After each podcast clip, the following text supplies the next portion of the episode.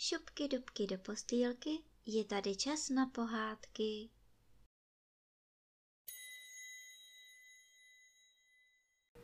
Tentokrát vám budu povídat pohádku z knížky Ferda Mravenec v cizích službách, kapitola sedmá, jak se nemá zacházet s puškou.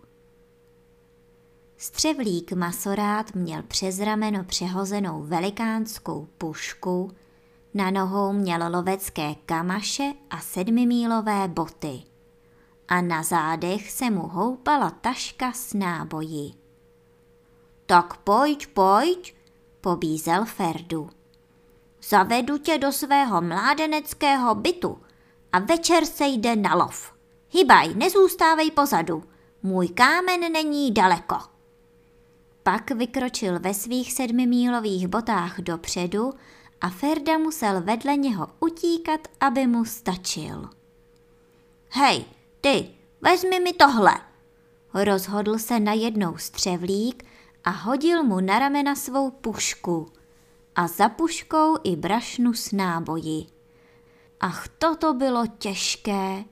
Nyní se Ferdovi vedle dlouhonohého střevlíka utíkalo ještě hůře.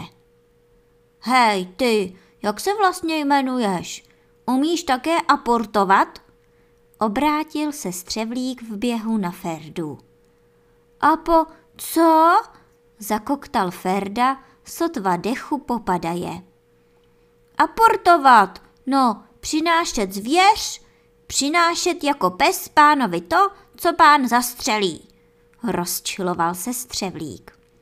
Nerozumíš? Já ti to vysvětlím, podívej se. Když lovec uvidí nějaké zvíře, vezme pušku a střelí. Bác! Zvíře padne a pes pro ně běží. Vezme je do zubů a přinese je. Tomu se říká aportovat. A ty to budeš dělat také tak. Už rozumíš? Hm, zahučel Ferda, kterého už puška do ramene řádně tlačila.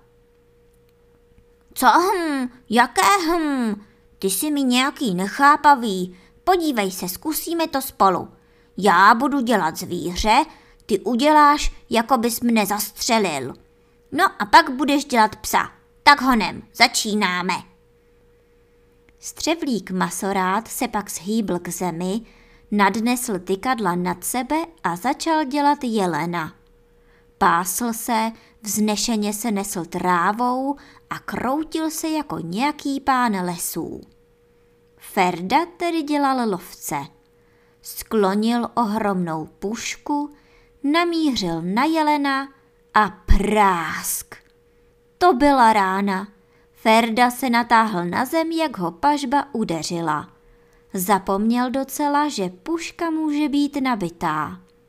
Nezastřelil snad dokonce střevlíka? Málem. Když se oblaka dýmu rozplynula, bylo vidět, že střevlík sedí na zemi úplně zdrcený. Náboj mu proletěl těsně kolem hlavy. Ještě mu z toho bzučila tykadla jako dráty při větru. Nešiko! Zasýpal, koule je strašně očima. Vždyť si mě mohl zabít, co pak si malé dítě, že chceš z každé pušky střílet? Co pak nevíš, že se na pušku nemá sahat ani ze žertu? Že pořádný člověk ani prázdnou pistolí, ani prázdnou puškou nikdy na nikoho nezamíří? Ani tenkrát, když nemá prst na spoušti? Slyšíš? Nikdy!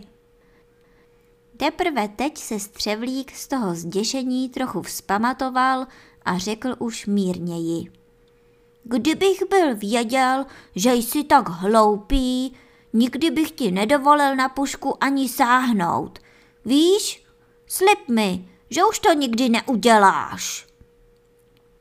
Neudělám, na mou duši to neudělám, sliboval Ferda a hladil si opatrně tvář, která ho ještě bolela po ráně pažbou. Slyšíš, už nikdy na nikoho ani puškou, ani pistolí nemyř. Nikdy nevíš, co se může stát. Chtěl jsem, abys jenom dělal, jako kdybys střílel. Musíme to zkusit znova, rozhodl střevlík masorát.